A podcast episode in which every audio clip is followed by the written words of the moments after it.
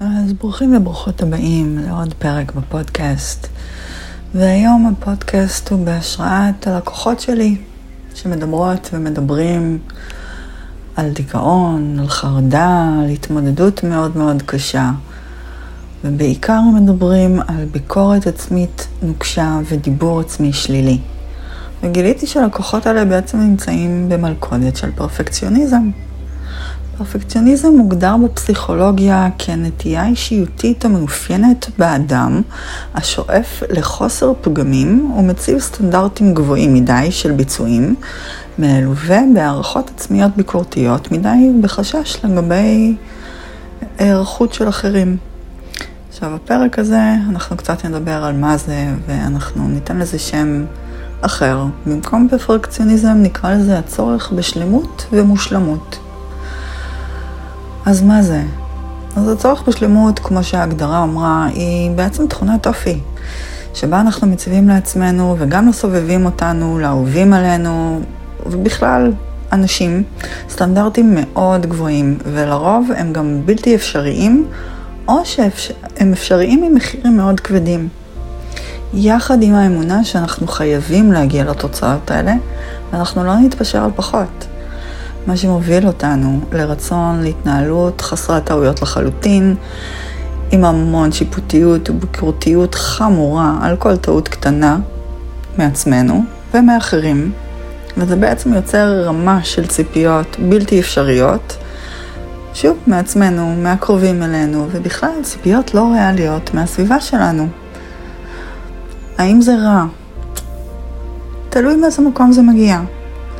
אם זה מגיע ממקום של השגת מטרות, עם אמונה עצמית, אה, למסוגלות, אולי זה מקום בריא, אולי בעצם אנחנו נעזרים ברצון למושלמות בשביל להשיג דברים עבור עצמנו.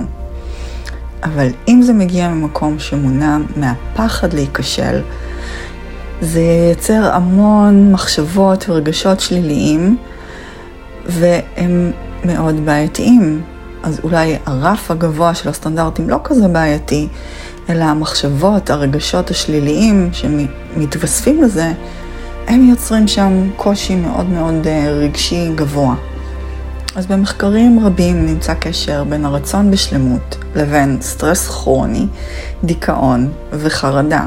זה מפתיע מישהו? זה בעיקר בגלל סערת הנפש שנמצאים בה כשמחזיקים באמונה שהכל צריך להיות מושלם. אחרת, אני אכשל, משמע אני כישלון.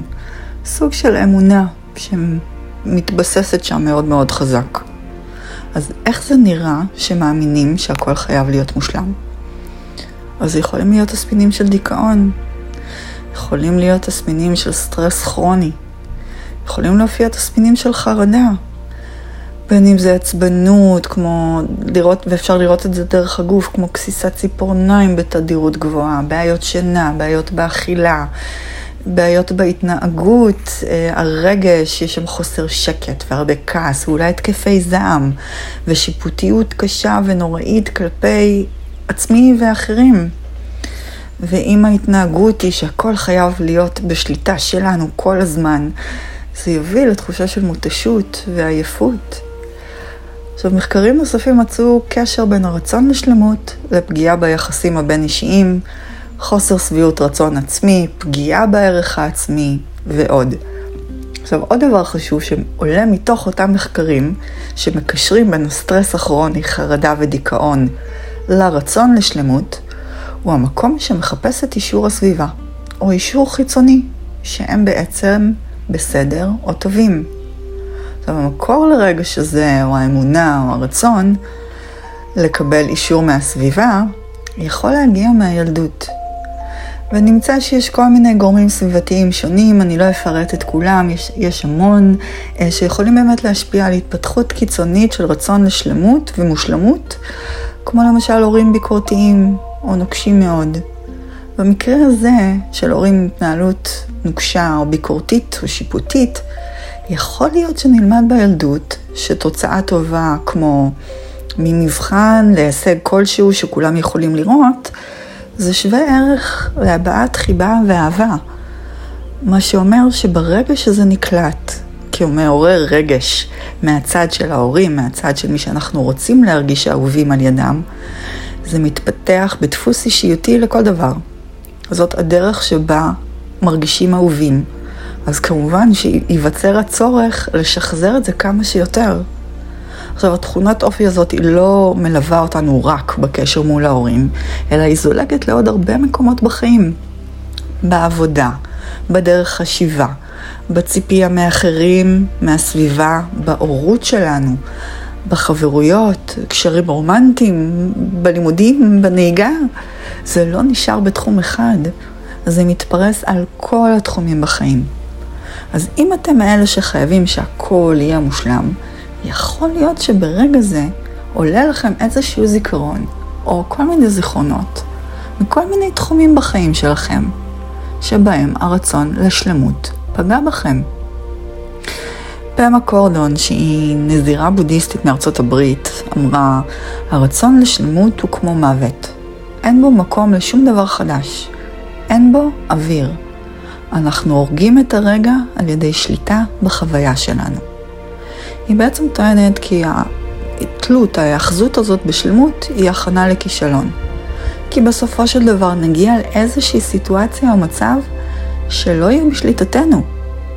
והרצון לשלמות היא דרך מאוד אגרסיבית להתנהלות בחיים.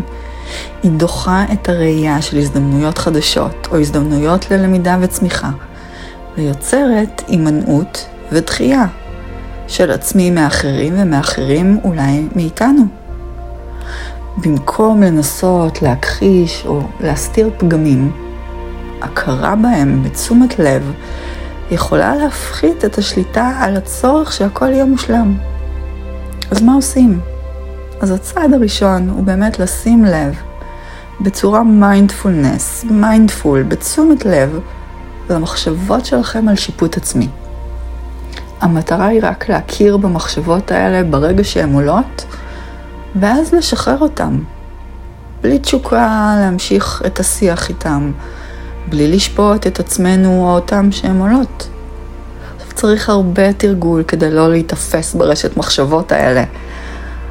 וכלי חשוב אחד להתגבר על הצורך הזה שהכל יהיה מושלם, הוא לזהות איפה בגוף נמצאים הרגשות האלו.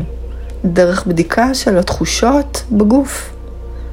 למשל, אם חווים קנאה, אולי יהיה אפשר להרגיש תחושה חמה ומתוחה באזור החזה.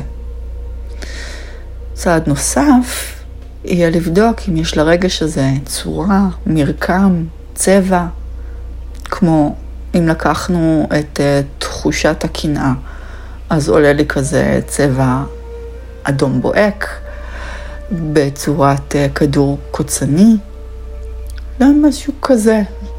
לתת תיאור מדויק של התחושה בגוף. כמו בדוגמה. זה יעיל מאוד בזיהוי ושחרור של מחשבות ביקורתיות עצמיות ברגע שהן עולות. אחרי זה, תנשמו לעבר המקום הזה עם המון חמלה, במקום לנסות מיד להימנע מהתחושה הזאת. אי אפשר לכבות את התחושה הזאת. ככל שמנסים יותר זה רק מתגבר ומופיע בעוד מקומות וזה לא, זולג לעוד ועוד מקומות בחיים. ככל שאנחנו מנסים יותר, הוא נעשה יותר קשה לשחרר. מה שאתם מתנגדים לו ימשיך לבוא בעוצמות יותר חזקות. כשאתם משחררים את האוויר, תנסו לשחרר גם את השרירים בגוף. היתרונות של התרגול הזה נגד הרצון לשלמות ומושלמות הם רבים ועוצמתיים, מיצירת חמלה כלפי העצמי, אל הכרה בחולשות האנושיות שלנו, אל להרחיב את החמלה הזאת אל הקרובים או אל הסביבה שבה אנחנו נמצאים, יכולה להדהד לנו. אנחנו לא לבד. וזה שובר בעצם את הדחייה וההימנעות. אנחנו מושלמים בחוסר השלמות שלנו. הכרה והישענות לחוסר השלמות שלנו בחמלה, ובלי שיפוט מובילה לרוך ולפתיחות. כמו ששר ליאונרד כהן, יש צדק בכל דבר, שם נכנס האור. זהו להפעם, אני אשמח לשמוע מכם בכל רשת חברתית אפשרית מה חשבתם? מה דעתכם על הרצון הזה לשלמות ופרפקציוניזם? איך אתם מכירים את זה? ספרו לי, ונשתמע בפרק הבא.